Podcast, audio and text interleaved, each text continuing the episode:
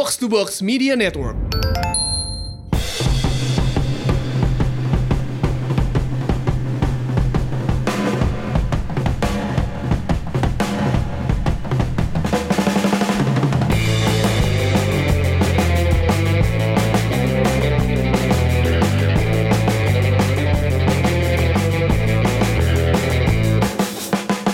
Welcome back di podcast Umpan Tarik bareng gue Aun Rahman dan juga dua partner gue Adiani dan juga Labi Sadat. Apa kabar bapak-bapak? Alhamdulillah baik. sangat baik. Eh mantap.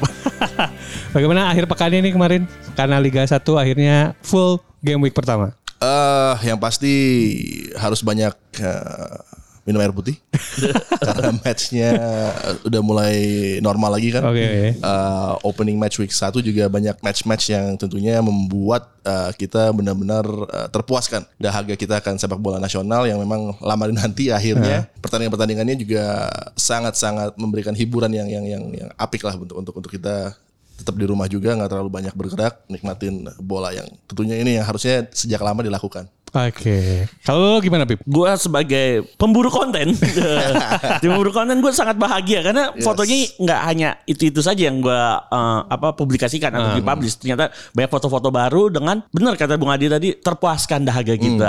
Jersey jersey baru juga tentunya ya. Jersey Jersey baru. Ada beberapa tim yang juga masih pakai jersey lama tapi jersey baru juga cukup ini ya, eh catching ya Bung. eye catching ya dengan Favorit? apa ya dengan adanya unsur-unsur yang pas lah untuk untuk saat-saat ini Nah, Yes. Apa tuh unsur-unsur yang pas? unsur ya misalnya menolong UMKM tersebut Masuk. masuk. Masuk, masuk, masuk, masuk. Oke, ini di game week pertama kan kalau kalau kita lihat dari beberapa pertandingannya harus diakui eh, Pesut Etam, Borneo FC ini yang paling main paling eh, ciamik lah, yang paling biggest win juga, paling paling besar dan juga paling menarik buat disaksikan. Disaksikan. Nah ini kalau kita lihat mereka menang dengan skor 3-1 lawan Persebaya. Golnya dicetak oleh Sihran Amrullah, terus juga Terence dan juga Gai Junior. Yes. Nah, Persebaya Persebaya juga nyet- akhirnya nyetak satu gol. Nah, ini gue mau nanya dulu dari sudut Borneo FC-nya. Nih, Bung Adi, eh, mereka kan di belakang di attacking line third-nya itu ada Terence, Bustos sama Sihran. Menurut lo mereka kayak gimana di game kemarin? Yang mungkin membuat persebaya kaget ya di laga kemarin adalah di mana mereka tiga pemain ini benar-benar seolah sudah bermain begitu lama. gue melihat adanya harmoni, adanya juga kerjasama yang yang sudah terbangun dengan apik. Dan memang ini gue udah expect dari dari Johnny Bustos bahwa dia bisa menjadi satu pemain yang istimewa untuk untuk untuk lini uh, distribusi dan juga kreasi uh, bagi Borneo FC. Namun yang gue lihat uh, ini lebih dari apa yang gue harapkan terjadi ya. Dan ini tentunya untuk sebuah laga pembuka yang terlalu biasanya tricky dan tim bermain hati-hati. Uh, skuad asuhan Gomez benar-benar menunjukkan kapabilitas dan juga uh, statement gue pikir ya karena Borneo FC dalam beberapa tahun underachieve uh, kerap kali juga menjadi hanya tim yang seolah dikatakan kuda hitam padahal gue nggak percaya dengan istilah tersebut gitu kan. Uh, dan sekarang justru untuk bersaing di top 3 ini adalah saatnya. Dan ini adalah mungkin squad yang benar-benar sudah diramu uh, oleh tangan dinginnya Gomez untuk benar-benar uh, menunjukkan prestasinya. Dan gue melihat dengan persiapan mereka yang sangat baik juga uh, kedalaman squad ya dengan pergerakan di uh, transfer yang juga begitu dinamis. Masuknya Hendrosis sih gue juga melihat ini sebagai satu pemain yang benar-benar membuat nyaman para pemain di depan dan juga para pemain bertahan. Ini membuat Wildansyah bahkan juga tampil uh, cukup konsisten di laga pembuka kemarin gitu Ah, oke. Nih gue mau ngomongin Bustos ke Labib nih. Yes. Jadi gue mendapatkan insider info. Sebenarnya eh, ketika di ketika dapat sodoran go, saudara Gomez ketika dapat sodoran Bustos itu sebenarnya nggak mau ambil karena dia udah punya incaran lain. Tapi ternyata dia akhirnya ambil Bustos. Menurut lo Bib, Bustos nih kayak gimana kemarin di game lawan Persebaya? Ini buat yang mendengarkan umpan tarik nih, Bustos ini sebelumnya pernah bermain di klub Primera Peru Oh, Oke. dan beberapa klub di negaranya. Tapi dia baru eh, incas atau sangat-sangat terlibat dalam tim bisa memberikan prestasi instan ya ketika bermain di Peru dan ketika dia kemarin menampilkan awalnya sih gue belum tahu nih ini pemain kan baru ya newbie bisa kita bilang ini newbie dan Aun juga bilang tapi dia Aun ini kemarin eh, berpendapat kalau Bustos bisa memberikan sesuatu yang lebih buat tim Borneo. Dan terbukti dengan dua asisnya yang Iya. luar biasa kepada gol Terence Puhiri dan gol dari Gai Junior. Tuh sepertinya Bustos akan memberikan yang terbaik dari dirinya di musim ini dan memberikan yang di, di usia yang masih muda juga dia pasti bakal bermain cukup maksimal penampilan ciamik pastinya dan Borneo juga pasti bakal memaksimalkan Bustos dengan coach Mario Gomez ya Mario Iya. Gomez eh, apalagi satu bisa dibilang satu zona dengan zona Conmebol bersama Ah, Oke oke. oke. bersama Bustos di sini di ada connection American Latin ya mungkin eh, juara bukan angan-angan lagi nih buat Borneo. Nah, karena Labib udah ngomongin juara dan juga eh, Bung Adi udah ngomongin statement nih. Eh, kayak yang gue lihat sih timnya ini bagus banget. Maksudnya dari depan sampai belakang lengkap.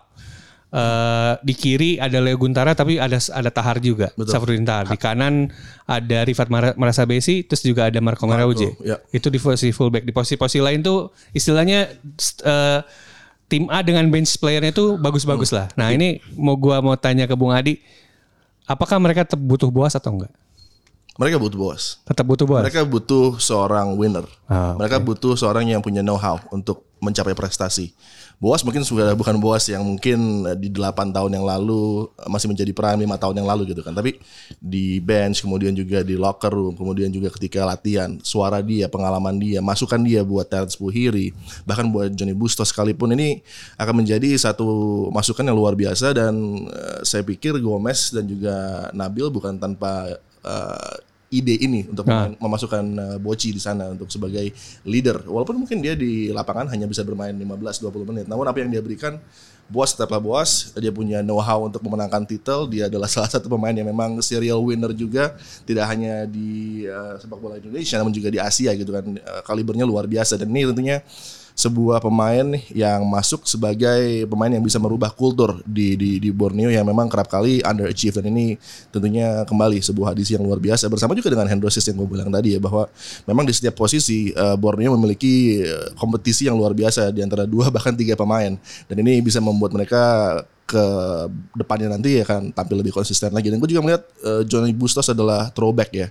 Mungkin kepada Julio Lopez eh, pemain-pemain yang eh, bersinar di Liga Indonesia dengan kinerja dengan skill dan juga dengan kemampuan mencetak gol juga dari lini kedua ini yang menarik dari apa yang coba diperlihatkan. Walaupun masih early days masih opening match gitu kan buat Borneo FC namun eh signs-nya menuju ke tim ini bisa berbicara banyak di top 3 Ah oke, ini gue mau nanya lagi. Apakah ini sama dengan fenomenanya dengan ketika Ronaldo balik lagi ke United? Padahal soalnya kan jadi contoh, jadi leader, jadi lain-lain. Apakah ini same case atau justru emang beda? It's a different case kalau misalnya Boci memang dibutuhkan oleh Pusut Etam, kalau Ronaldo hanya ngelawak di Manchester United. It's a waste of time. Waste of time. Oke oke. Kalau oke. money. tambahan gue sih Ronaldo datang ke MU itu cuma entertain doang. Entertainment, Enter- en- uh, mengamankan diri Glazers dari kejaran supporter, Iya. dan juga Nggak, tentunya betul. Super League yang ngaco itu. Iya. Jadi menyelamatkan memagarin Glazers aja. Iya, ya kita betul. jadi bahas.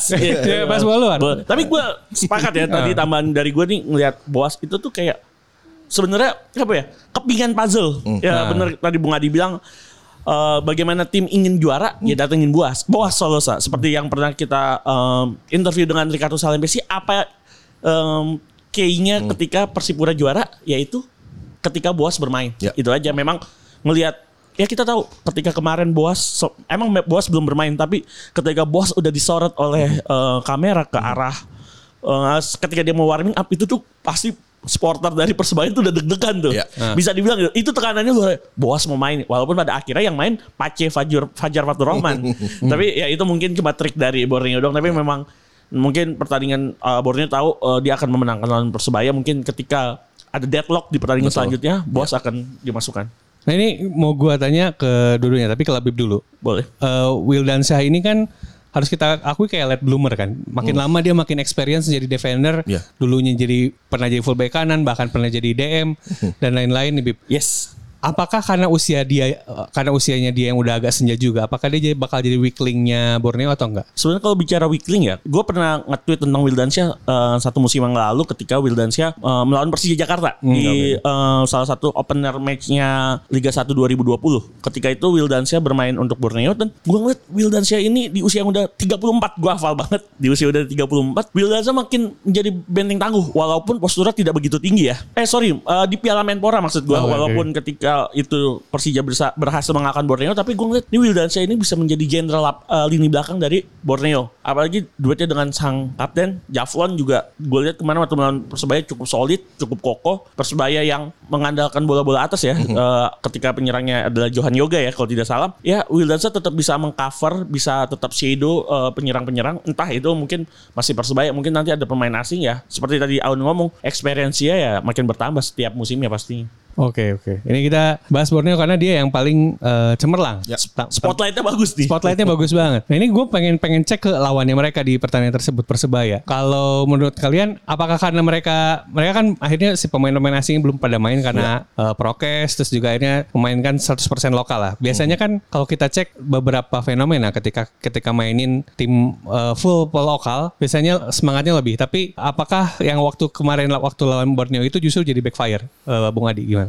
Ah, boleh kita kritisi mungkin uh, setup dari Aji Santoso ya, yang menurut gua ini mudah dibaca oleh Gomez dan memang tidak uh, menutup kelebihan-kelebihan dari para pemain Borneo FC seolah kita tahu kelebihan dari Borneo adalah kecepatan Terence Puhiri. Kita tahu kelebihan dari Borneo adalah kombinasi dari lini tengah lini depannya yang begitu luar biasa, interchange pemain yang yang luar biasa dimiliki oleh Borneo ini tentunya bisa di uh, netralisir dengan memasukkan beberapa nama di sana. Namun seolah ketika Persebaya tampil dengan line up seperti itu, saya kok berpikir Aji Santoso tidak mengerti bahwa ini lawannya adalah Borneo FC. Seolah tidak membaca uh, apa yang menjadi kelebihan dari tim ini. Padahal kan dia harusnya adalah orang yang paling tahu tentang kelebihan-kelebihan dari Borneo FC. Semua kelebihan itu tidak ditutup. Kemudian juga dengan memainkan Johan Yoga dalam keadaan tim yang harus uh, berjibaku dengan pemain-pemain seperti Javlon di sana. Ada Wildansyah, ada Rifat juga di pertahanan, ada Hendrosis yang membantu juga ke belakang. Johan Yoga adalah center forward yang gayanya tidak tidak persebaya sama sekali. Hmm, Dan oke, ini oke. uh, mudah untuk bisa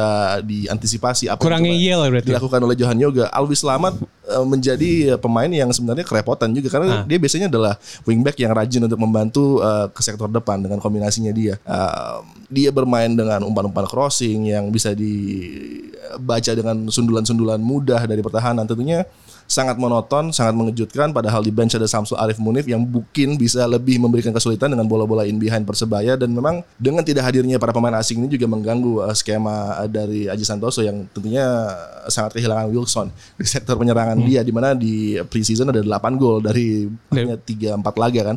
Uh, yang ini tentunya membuat uh, skema dari Aji tidak sesuai. Namun tentunya harusnya Aji bisa membuat uh, Persebaya lebih solid lagi namun dia tidak lakukan itu gitu.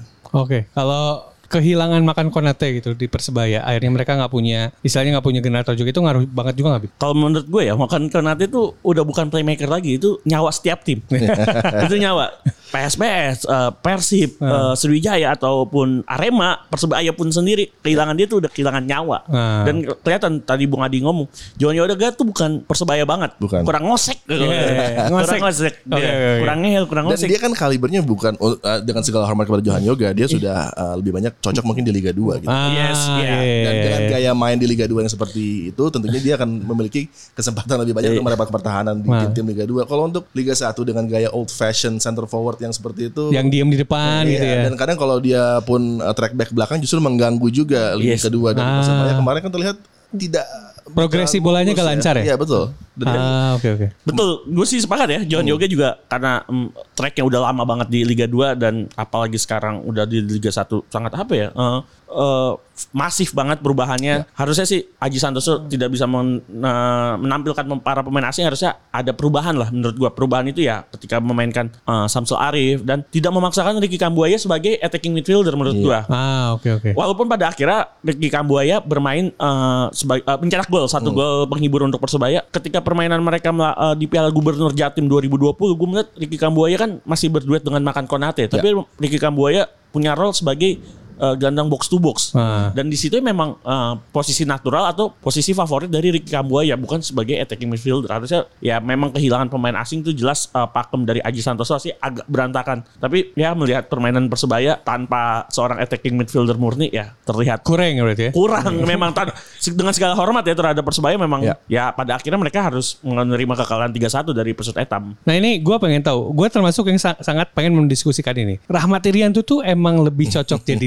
defender atau jadi gelandang bertahan Bung Adi? Um, defender dia. Defender lebih Ya, cocok. eh, sebagai gelandang bertahan nah, biasanya ketika timnya tertinggal dia akan lebih dimajukan kan Ah. untuk membantu serangan juga dan gue melihat justru memang eh, kelebihan-kelebihan dari Rahmat Irianto sama dengan ayahnya adalah untuk menjadi seorang figure defender yang commanding dan juga piawai membaca eh, pergerakan lawan dan itu dia buktikan memang secara konsisten di lini pertahanan Persebaya. Kalau dia dimainkan di DM tentunya beberapa hal positif dari permainannya ini akan sedikit hilang dan kita bisa melihat ya eh, defender-defender yang mungkin sedikit dipaksakan untuk bermain di posisi gelandang bertahan seperti misalnya Aaron Evans di uh, Sleman, dia juga tidak nyaman bermain di sana.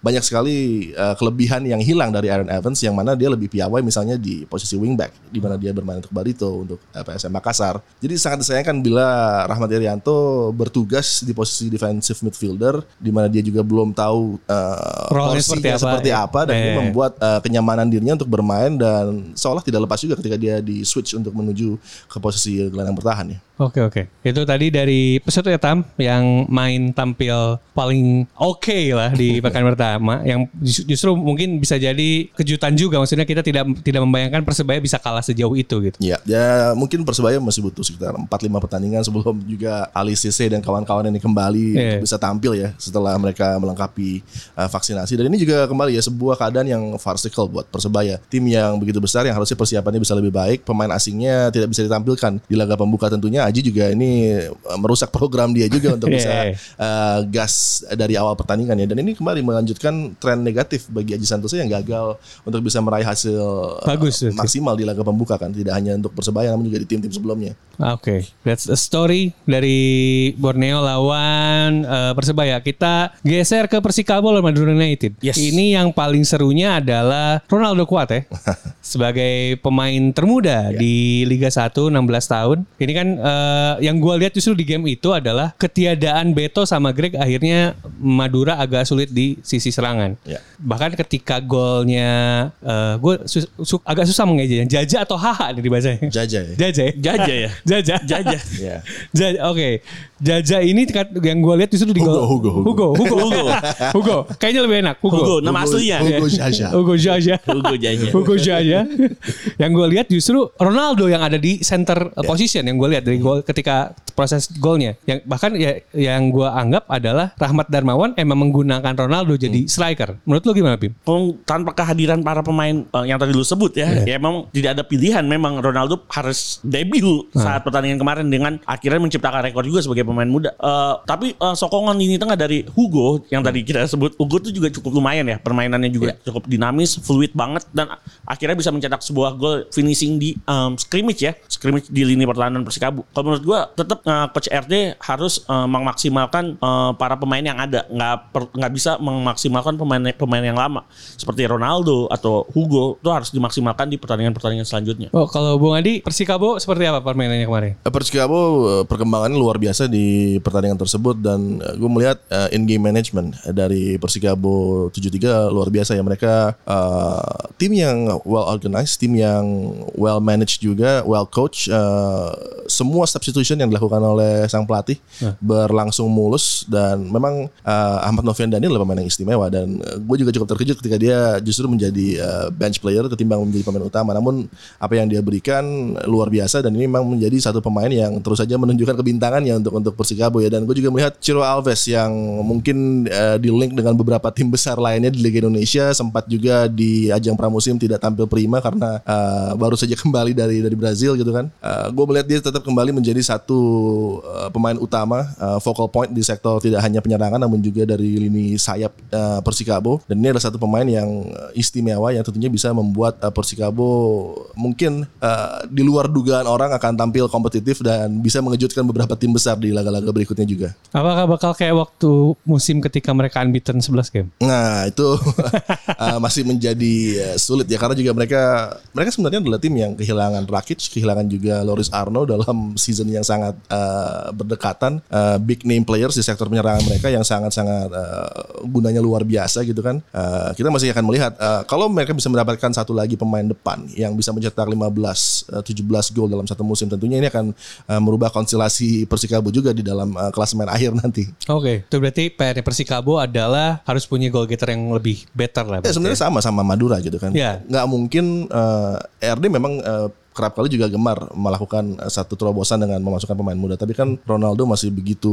uh, dini untuk Iya. bisa dijadikan pemain dengan pressure Masih hijau di banget berarti. depan dan diandalkan menjadi pemain yang bisa mencetak eh, 15-20 gol untuk Madura, tim yang setiap musim eh, diharapkan bisa bersaing untuk titel gitu kan. Ini eh, mungkin sedikit unfair untuk untuk pemain eh, seperti Ronaldo yang masih terus berkembang di usia yang begitu muda gitu kan dan tentunya peaknya diharapkan terjadi justru di 2-3 musim ke depan bukan di betul. sekarang dan nanti dia bisa burn out gitu. Oke. Oke, tapi bicara Persikabu ya. Tapi kalau melihat susunan pemain ketika menghadapi Madura, sepertinya Persikabu bakal benar-benar eh, memaksimalkan sisi flank ya. Iya. Eh, eh, ada nama selain Ciro Alves ya ada eh, Guntur, ada Henry Adibayau dengan mengandalkan eh, Dimas Derajat sebagai eh, seorang goal getter mereka. Ya seperti tadi Bung Adi ngomong memang Persikabu nggak bisa mengandalkan tim ini aja Eh, melihat eh, apa eh, bursa transfer masih kayaknya masih dibuka ya beberapa hari ke depan ya. Sampai tanggal 10 ya. Dia tanggal sampai tanggal 10 harusnya ya ada satu dua nama yang bisa masuk di eh, membantu lini penyerangan dari Persikabu. Oke, next next game itu adalah PSIS lawan Persela. Yes. Ini kan bagaimana akhirnya eh, ada semacam cyber as usual dari Coach Iwan terhadap Kakak Imran. Tapi akhirnya kan eh, PSIS yang menang nih Bib. Nah ini menurut lo apakah Coach Imran deserve untuk permanen job? bicara layak apa tidak untuk eh, eh, mengisi kekosongan pelatih yang ditinggalkan coach Dragon sebenarnya coach Imran sudah saatnya eh, mendapatkan eh, posisi sebagai head coach atau pelatih utama di eh, Liga 1 Eh, melihat usia pengalamannya dia seperti beberapa klub bahkan di Bayangkara dan sudah mengikuti PSIS dari satu dua musim terakhir Betul. eh, mengik- eh, sebagai asisten Eh, memang eh, ketika kehilangan coach Dragon harusnya eh, CEO Pak Yoyok tuh tidak perlu pusing-pusing ya memang sudah seharusnya coach Imran dengan eh, deretan para pemain muda ini bisa memberikan yang terbaik dan diberikan kesempatan juga oleh manajemen tentunya di pada musim ini. Kita sebut saja ada selain ada mungkin kita tahu ada Harry Nurilianto, ada Bruno, ada Komaroben. Eh maksudnya Komarudin. Komarudin. Gue ingetnya Komaroben terus, Komarudin terus eh, dan beberapa pemain lainnya plus pemain muda macam Freddy Wahyu, eh, Pratama Arhan dan be- nah, Dewangga ya harusnya kombinasi pemain muda dan pemain senior ini bisa memberikan yang terbaik buat eh, Laskar Mahesa Jenar. Oke, Bung Adi, ini gue mau nanya, apakah treatment-treatmentnya Coach Iwan tuh cocok di Indonesia? Maksudnya dengan cyber sebelum game, terus akhirnya itu kan menegasikan lawan lah istilahnya. ini kan kayaknya mungkin tidak sesuai dengan adat ketimuran gitu. Um, fair-fair saja ya. Uh, Coach Iwan memang uh, kita kenal dengan karakter seperti ini dan ini sudah menjadi uh, tradisi buat dia untuk membuat menarik dan dia bahkan juga menurut gue justru menghidupkan suasana kompetisi tidak hanya di lapangan namun juga di sidelines kemudian juga pre-match. Dan dia menurut gue ditunggu juga oleh para wartawan untuk bisa memberikan statement-statement uniknya yang tentunya uh, bisa juga membakar justru menjadi bumerang ya.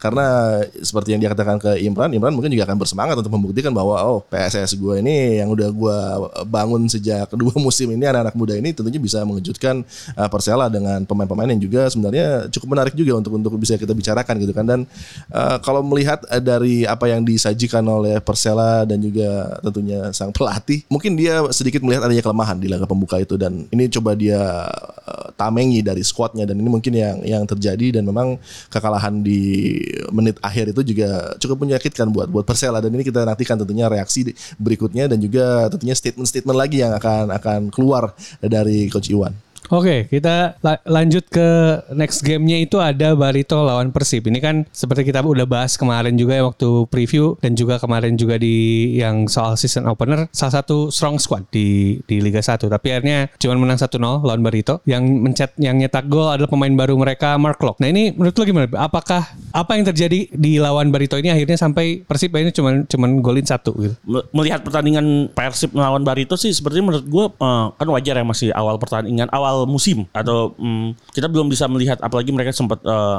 yang kita tahu 500 hari tanpa kompetisi ya memang penampilan juga belum maksimal ya. Mungkin perlu satu dua eh, game week lagi buat membuktikan. Tapi ngelihat lini tengah Persib sih yang gue jadi spotlight buat gue adalah duet dari Martok dengan eh, Rashid yang cukup padu ya. Walaupun mereka baru bertemu mungkin satu dua bulan terakhir ketika eh, training camp dari Persib Bandung. Tapi dua pemain ini kayak memberikan apa ya senyawa aktif buat lini tengah dari eh, Persib. Mungkin dua-duanya nggak bertipe kayak menggunakan Konate yang bisa membawa bola dari tengah ke depan dengan eh, akselerasi atau shootingnya. Tapi kedua pemain ini bisa cocok tiba-tiba bola bisa sudah di depan yang bisa dimanfaatkan mungkin oleh Geoffrey, oleh Wander ataupun Ezra. Oke. Buddy, what happened in that game? What is your take? Eh, yang gua saksikan sendiri adalah Barito Putra yang seperti biasa dengan coach Janurnya sangat siap menghadapi Persib Bandung. Berbeda dengan Persebaya, Barito menutup semua kelebihan yang dimiliki oleh Persib untuk meminimalisir adanya peluang menuju gawang dari Riyandi. Memang banyak sekali ya tembakan yang juga dilepaskan ke sana. Riyandi juga tampil baik. Eh, gua melihat justru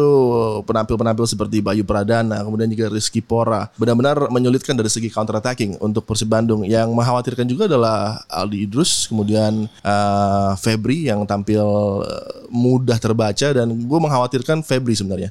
Febri Bau Haryadi pemain yang memiliki segudang talenta namun ada sedikit stagnansi dari permainannya dia tidak bisa mengupgrade menuju dia sudah menjadi bintang tapi untuk menjadi super bintang tentunya dibutuhkan lagi satu level untuk menaiki kualitasnya dan ini belum eh, ditemukan ya oleh oleh oleh Febri Bau Ini hot take ini sebenarnya. Hot take banget ini. Hot take ini harus banget. kita ambil. Memang sebelum off record ini memang gue sama Aon nih Bung Ya. berbicara bagaimana Febri harusnya ya benar kata Bung dia sudah menjadi bintang, Bintang, tapi belum iya. menjadi mega bintang. Dia belum menjadi uh, greatest of all the time-nya Indonesia bisa dibilang. Gitu. Tapi dia memiliki potensi itu. Punya, Ah. punya Ya, banget ya. dengan segudang talenta yang tadi Bung Adi bilang. Tapi bagaimana caranya dia menaikkan level ini yang yang bisa terjadi ketika dia memberikan yang terbaik dari penampilannya, penampilan sangat ciamik di pertandingan resmi Persib Bandung. Soalnya kalau kalau boleh gue lihat dia kan sem- selama off season tuh big ini ya workout, Ya. ripping badannya gitu. Ya. Gue gua menganggapnya dia bakal jadi kayak running back American football gitu. jadi yang lari kayak super train gitu kan. Ya. Tapi tetap di game kemarin ya gini-gini lagi. Iya dan juga Ardi Idrus ya yang, Iya, yang iya. yang yang juga menurut gue salah satu pemain bertahan yang memiliki kemampuan luar biasa one on one defendingnya juga bagus kemarin seperti kesulitan aja ya? untuk menjaga kombinasi pergerakan dari para pemain sayap. Kemudian juga gue melihat uh, Lutfi tampil impresif buat Barito Iya, juga. sepakat, sepakat. Uh, satu lagi pemain yang menurut gue Barito dengan coach Janur mengandalkan pemain-pemain mudanya akan menunjukkan kualitasnya. Mereka akan bersinar mereka akan berkembang lagi. Dan ini adalah tim yang mungkin untuk musim ini tidak akan terlalu bisa berbicara banyak uh, di papan atas. Namun untuk dua musim ke depan ini menjadi tim yang nantinya akan menakutkan bila memang uh, program dari Janur ini terus dipercaya oleh Pak Hasnur ya. Betul betul. sangat menyulitkan ya. Apalagi tadi bicara Lutfi Kamal gue lihat satu momen ketika dia beradu body dengan Ezra eh, bukan beradu body sih sebenarnya dia berani menantang Ezra itu kan berarti suatu mental dia udah terjaga. Kita tahu mm, Lutfi Kamal bersama timnas U22 bersama timnas U19 itu terlihat pemain yang kalem. Ternyata dia bisa bermain galak juga. Itu sangat penting banget sebagai seorang gelandang tengah. Itu salah satu atribut yang harus dimiliki. Seorang ball winner sejati juga duetnya dengan Bayu Pradana. Kayak kombinasi yang pas antara satu eh, sebagai breaker yang satu eh, mendistribusikan bola. Itu sih yang gua lihat dari Barito. Mudah-mudahan aja Pak Hasnur dan manajemen dari Barito bisa mempercayakan coach Ya. dan Janur dengan pemain-pemain mudanya ini Ya, proyek yang menarik eh, di Elite Pro League juga mereka tampil beringas gitu kan. Yes. Dan ini mereka semua bersama naik. Ada juga Bagas Kava di sana, ada juga Dandi. Dan ini juga satu lagi pemain yang Yes. memang eh, dari segi defending usia muda, namun sudah lebih seolah seperti sangat berpengalaman. Dan ini di match pertama kemarin benar-benar terlihat bagaimana Persib sulit sekali untuk bisa membongkar low block. Kemudian eh, bila tidak ada kualitas dari Mark Locke yang memang di debutnya kemarin juga menjadi satu eh, pemain yang ini dia kenapa uh, pemain ini sangat dibutuhkan oleh Persib Bandung. Karena kalau kita lihat preseason juga uh, misalnya dengan adanya Deddy Kusnandar kemudian juga Farshad yang mungkin gayanya terlalu lambat untuk bisa membawa tempo permainan Persib Bandung menjadi tim yang high pressing juga Mark Locke adalah uh, link yang hilang dan ini menjadi Persib Bandung terus akan mungkin akan banyak skor 1-0 1-0 untuk Persib Bandung di musim ini. Oke, worth every rupiah berarti ya Mark Locke. Tapi kalau soal Janur tuh emang eh, pendengar rumah tarik dan juga yang follow medsos gue udah berapa kali bilang kalau Janur ini the Tinkerman sebenarnya. yes Claudio Ranieri banget lah. Dia Iya. dengan sege- dengan dengan sumber dayanya yang segitu-gitunya dia biasanya bikin timnya jadi bagus gitu. Betul, da Tinkerman memang eh, rotasinya hampir di setiap pertandingan, Yes. tapi yang menjadi core dari Janur adalah kalau kita ingat juga di Pelita dari mulai dia asisten, kemudian juga tim pelatih tim junior, kemudian menjadi pelatih tim seniornya. Ada kepercayaan bagi pemain muda dan ini juga mungkin dirasa oleh banyak sekali pemain yang sekarang sudah beredar, misalnya Jupe, eh, Jam, Jajang Mulyana adalah pemain-pemain yang bermula dari dari Pelita gitu kan. Dan Yes. uh, mereka tahu betul bagaimana Janur mempercayakan pemain muda untuk bisa menjadi andalan justru Iya. di skuadnya. Bahkan Ruben Carlos Sanadi juga pernah merasakan sentuhan dari Janur.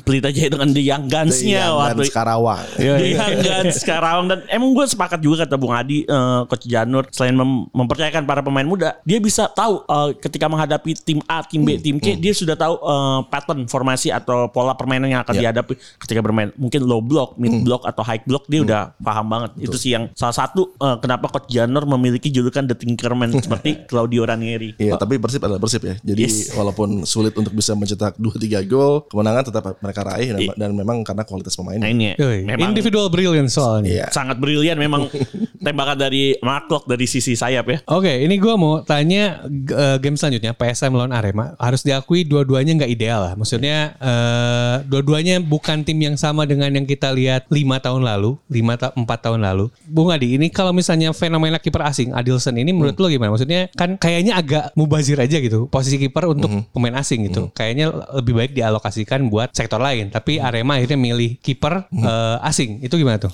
Mungkin ini ada sebuah keputusan yang memang harus diambil karena ini trouble position untuk Arema setelah uh, Kurnia Mega yang harus uh, mungkin mundur dari sepak bola untuk sementara waktu akibat cedera yang dia alami gitu kan. Tidak ada satu pemain di Arema yang sebaik, sekualitas uh, berkelas seperti Kurnia Mega dan memang ini satu pemain yang hilang yang yang sangat sulit digantikan oleh Arema gitu. puzzle yang hilang Bung Adi uh, leader di belakang. Betul. Kemudian juga menurut gua boleh dikatakan salah satu penjaga gawang terbaik Indonesia gitu Yes. kan. Uh, sulit untuk bisa menggantikannya. Arema struggling di sana. Uh, beberapa kali dicoba kiper-kiper lokal. Utam Ya. Namun, Sebut saya Utang Rusdiana ataupun Kurniawan Kartika. yes. Wih, langsung ketawa nih Utam kita nyebutin Utam ya. Karena tiba-tiba dari sekelas dan selevel Kurnia Mega, Ya. seleader Kurnia Mega, tiba-tiba gantinya seorang Utam Rusdiana yang kita belum tahu dia bagaimana kualitasnya. Dan la- terlebih lagi di laga pembuka kemarin uh, kartu merah yang di, di, di, di- dirasakan oleh mereka gitu kan. Adilson uh, kalau nggak salah mencatat 4 save yang Yes. penting di sana dan dia juga piawai menggunakan kakinya juga. Yes. Uh, dari apa yang disajikan di awal uh, cukup baik dari Adilson dan gue rasa ini satu pemain yang mungkin uh, bisa menyelamatkan Arema dari kekalahan-kekalahan uh, yang akan mereka derita di musim ini dan setidaknya bisa membuat mereka meraih hasil imbang ya. Kalau melihat dari penampilannya sejauh ini di laga pembuka kemarin. Iya, satu krusial save ya dari uh, Adilson ketika menyelamatkan dengan kakinya ketika Ya. tembakan dari Ilhamuddin Armain. Nah ini kalau PSM menurut lo gimana Bib? Maksudnya posisinya kan harus dia- diakui mereka pemain asing yang benar-benar mereka pakai kan akhirnya Angko Jansen dan juga eh, William Wil- Blum. William Blum. Nah ini yang gue pengen tahu adalah skuad mudanya PSM akan tampil sejauh apa di musim ini? Eh, kita tahulah bagaimana skuad ini pernah eh, dicoba di Piala Menpora kemarin eh, tidak jauh berbeda dengan Piala Menpora kemarin dan bisa memberikan bisa merepotkan para klub-klub dan terbukti ketika melawan Arema terlepas dari kartu merah Jayus Haryono yang diterima oleh Arema di menit keempat sebenarnya skuad mereka tuh dengan para pemain muda ini gue cukup ini ya impresif ya cukup menarik eh, nama-nama seperti eh, Muhammad Arfan, Sutanto Tan eh, ap- eh, terus juga ada backnya Erwin Gutawa dengan Hasim Kipu itu kayak seperti udah padu walaupun cuma memiliki dua pemain asing yang tadi lu bilang William Plum dan uh, Anko Jansen dan menurut gue ya Arema musim eh sorry maksud gue PSM Makassar musim ini tetap akan memberikan merepotkan para lawan-lawannya walaupun mereka tidak berada di papan atas. Oke, ini kita game terakhir. Eh ada PSS lawan Persija Jakarta. Eh, sempat unggul le- lewat Tian Mota tapi akhirnya disamakan oleh Ir Kamila. Bung Adi, what happened di game ini? Akhirnya sempat unggul tapi akhirnya disamakan di babak kedua. Yang istimewa dari match ini adalah head to head uh, antara Rico Simanjuntak dengan Irfan Jaya ini menunjukkan kita betapa luar biasanya kita harus mengapresiasi ketika Rico Juntak dan juga Irfan Jaya dalam kehebatan uh, peak power mereka tampil luar biasa, kecepatan, kemudian juga directness of play, link up-nya Irfan Jaya luar biasa menjadi satu pemain yang memang menjadi uh, sumber dari kekuatan PSS kemarin dalam laga pembuka. Yang gue lihat adalah uh, Persija sedikit kehilangan kekuatan mereka dari segi stamina menuju akhir dari babak kedua. Itu juga yang membuat mereka kebobolan. Namun uh, startnya sudah cukup baik dan gue melihat ada Coach Alessio nampaknya membiarkan uh, Rico Juntak untuk bisa tampil lebih konsentrasi juga di bertahan. Yang ini menjadi satu lagi kelebihan dari Alessio yang yang yang bisa membuat uh, Rico Simanjuntak uh, memiliki upgrade dari penampilannya. Tidak hanya untuk cepat di sektor sepertiga akhir, namun juga ketika track back. Semua yang dilakukan oleh Rico Simanjuntak benar-benar mengkomplit suplemen uh, tim Persija Jakarta. Dan ini kemarin menjadi satu laga di mana dia membuktikan memang sebagai bintang yang yang yang juga terus uh, sangat penting perannya bagi Persija Jakarta. Dan gue juga melihat Simic ya uh, lebih fit, lebih fokus. Namun sayang Taufik Hidayat belum mengerti bagaimana cara bermain dengan Simic. Taufik Hidayat adalah pemain yang sebenarnya harusnya bisa bermain sedikit di belakang. Mereka kemarin terlalu uh, Depan rapat, terlalu berarti. sama karakternya Ah, juga dan ini masih menjadi uh, satu hal yang menjadi problem position mungkin bagi Alessio juga untuk tahu siapa yang bisa diandalkan untuk berdampingan dengan Marco Simic ataukah mungkin Simic akan bermain sendiri di depan dengan satu pemain lagi uh, bergerak uh, tepat di belakang dari dirinya.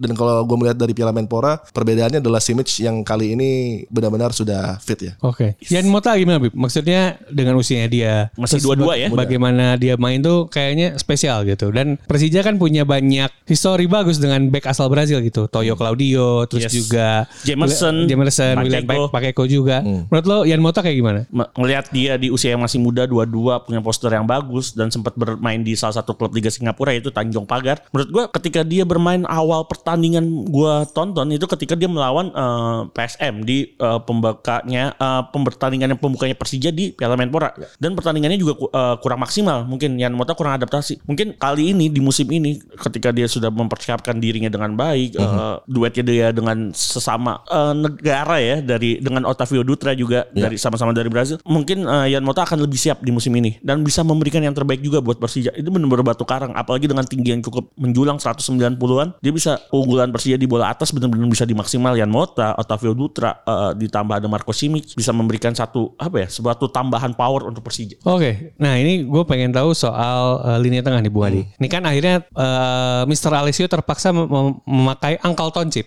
buat jadi gelandang. Seperti yang kita tahu Uncle Toncip kan sudah tua gitu, maksudnya Ya, sudah, yes. sudah sudah senior. Yang gue lihat justru emang pada pertandingan kemarin Rohit jadi akhir akhirnya cukup kerja keras lah di lini tengah karena Tony Sucipto udah harus diakui tidak sebugar dulu. Kalau misalnya masang Tony Sucipto di tahun 2010 itu mungkin itu bakal luar biasa banget main dengan Rohit Chan. Kalau apakah ini indikasi yang menunjukkan kalau Persija tuh kehilangan clock? Terus Sucipto glue guy ya untuk untuk kali ini bagi Persija dan tugasnya adalah mungkin akan tampil lebih ke dalam bersama mungkin uh, dengan Dutra dan Yan Mota gitu kan. Uh, Rohit Chan tugasnya akan ganda dan ini mungkin akan membuat dia kurang bersinar di sektor penyerangan untuk Persija. Namun ini adalah tugas yang untuk sementara harus dilakukan karena memang belum ada pemain yang bisa mengisi slot di posisi tersebut. Namun kita melihat dari transisi ada kendala di sana. Beberapa kali ya peluang eh, dari Sleman dengan menggunakan kecepatan terutama dari area sentral ini kesulitan. Bahkan dari wing pun Rezaldi Hehanusa walaupun sudah lumayan apik kembali namun ini belum mencapai eh, level fitness yang ideal dan Yes. dalam adu sprint kemarin terlihat jelas struggling gitu kan. Struggling sekali apalagi setelah menit 60 Bung. Iya dan uh, coveringnya adalah Toncip sebenarnya. Yes. Dia pun struggling. Ya. Ini membuat uh, cukup terekspos antara Otavio Dutra dan juga Yan Mota. Dan ini bisa menjadi satu uh, titik lemah di Persija yang mungkin uh, harus diperhatikan. Dan gue melihat juga uh, Nico masuk juga belum bisa menutup itu. Dan Irfan Jaya tetap menjadi satu pemain yang terus menyulitkan di sana gitu kan. Betul, betul. Jadi ini problem position yang uh, dari ujian kemarin uh, tidak berjalan mulus untuk untuk Persija gitu. Jadi uh, mungkin dengan masih adanya transfer window yang terbuka ini masih ada dua pemain lagi yang mungkin dibutuhkan oleh Persija untuk bisa kalau dikatakan untuk Melengkapi tim ya? melengkapi tim dan juga kompetitif untuk bisa uh, berebut tahta di puncak klasemen gitu kan. Tapi bicara Persija kan sepertinya Persija akan memaksimalkan para pemain muda ya sebagai pemain backup. Tapi itu mungkin eh, bagusnya Persija mungkin nggak musim ini, mungkin di musim-musim selanjutnya dengan memaksimalkan para pemain muda itu seperti kemarin ada eh, Ginting, ada eh, Nico juga dan beberapa pemain lainnya. Uh, tapi ini ya Persija adalah Persija. Mereka harus ini bukan masalah uh, Yes, bukan siapa yang untuk ngisi. untuk dua musim ke depan untuk tidak ada seperti itu. Karena Jackmania menginginkan tim ini selalu berbicara banyak Jak- di papan 1-2 gitu kan. Yes, setiap Dan turnamen harus dan bila Jackmania melirik eh, pesaing utamanya adalah Persib Bandung tentunya keadaannya adalah tidak bisa eh, manajemen mengatakan eh, bahkan Alessio juga mengatakan pemain muda ini harus dipercaya harus ada eh, pemain-pemain yang tentunya kalibernya bisa untuk Persija gitu kan. Yes, seperti benar sih sepakat Persija adalah Persija siapa pun yang mengisi eh, eh, starting line up atau eh, starting 11 pemain pertama, Ya. dia harus memberikan yang terbaik buat Persija. Ya dan pressure-nya beda misalnya dengan Barito gitu Yes. kan. Ya, Ya. Ada waktu untuk diberikan kepada pemain muda ini berkembang menjadi pemain yang ideal. Buat development. Buat ya. development. Kalau Ya, ya. Persija pressure-nya beda dan Saat ini- itu juga harus Ya, bermain. dan ini terkadang bahkan untuk pelatih eh, sekelas Alessio pun ini bisa menjadi satu keadaan yang juga ya? tidak ideal. Ah oke oke. Soalnya gue jujur gue ngecek juga bagaimana reaksi banyak. Kalau Nico karena mungkin udah udah main di Piala Menpora gitu. Jadi akhirnya supporter juga udah cukup lihat lah dia seperti apa. Ginting yang gue lihat beberapa ya mix mix pendapat lah. Ada ada yang juga eh, terkesan gitu dia dia dia oke untuk untuk main beberapa menit ini. Ada juga yang ngerasa di di di liga tuh mestinya Persija bisa bisa mainin atau enggak bisa masang pemain yang kelasnya lebih gitu. Gue lihat kayak gitu dan dan gue juga melihat sebenarnya eh Mr. Alessio ini ya pasti butuh-butuh time dan juga akan akan butuh banyak pemain baru juga untuk untuk timnya gitu. Oke, ini kita bakal bahas eh sedikit aja soal pekan kedua. Ini gue mau nanya sama Bung Adi sama Labib. Yes. Eh, game to watch-nya kalian apa? Tapi ini gua bacain dulu. Eh, di pekan kedua nanti itu ada Persela lawan Persipura, Persik lawan Borneo FC, Persiraja lawan PSS, eh, Barito PS Barito lawan Bali United, Persebaya versus PS Tira, sorry Persikabo, Persita versus Persib, Madura United versus PSM, Arema Bayangkara, Persija PSIS. Tiga game worth to watch-nya Labib apa nih? Gue sih lebih paling utama ya Arema Bayangkara sih. Oke. Arema Bayangkara bagaimana eh, Bayangkara bermain sangat superior ya di pertandingan pertama ketika menghadapi Persiraja yang udah kita bahas minggu lalu. Eh, seorang Eze Ndose yang bisa kalau kata Aun eating the defenders. Sekarang akan menghadapi Arema yang memiliki kiper yang luar biasa, yaitu seorang Adilson kiper dari Liga Portugal kelahiran Brazil. Tapi menurut gua ini bakal menjadi eh, seru karena permainan eh, dari Bayangkara tersendiri atau The Guardian itu kan sangat dinamis ya dengan formasi 4-2-3-1 mengandalkan Renan, winger yang ada eh, seorang seorang sprinter sebenarnya Denis Sulistiawan itu basicnya adalah seorang sprinter di kampung halamannya dan seorang Mas Andik yang bisa eh, menjadi game changer. Itu Mas yang- Ande. Mas Andi itu bisa jadi game changer melihat eh, kemarin eh, defense Arema yang cukup low block ya ketika bermain 10 orang itu yang bakal satu pertandingan yang menjadi spotlight gua. Kalau Bung Adi pertandingan yang mana nih?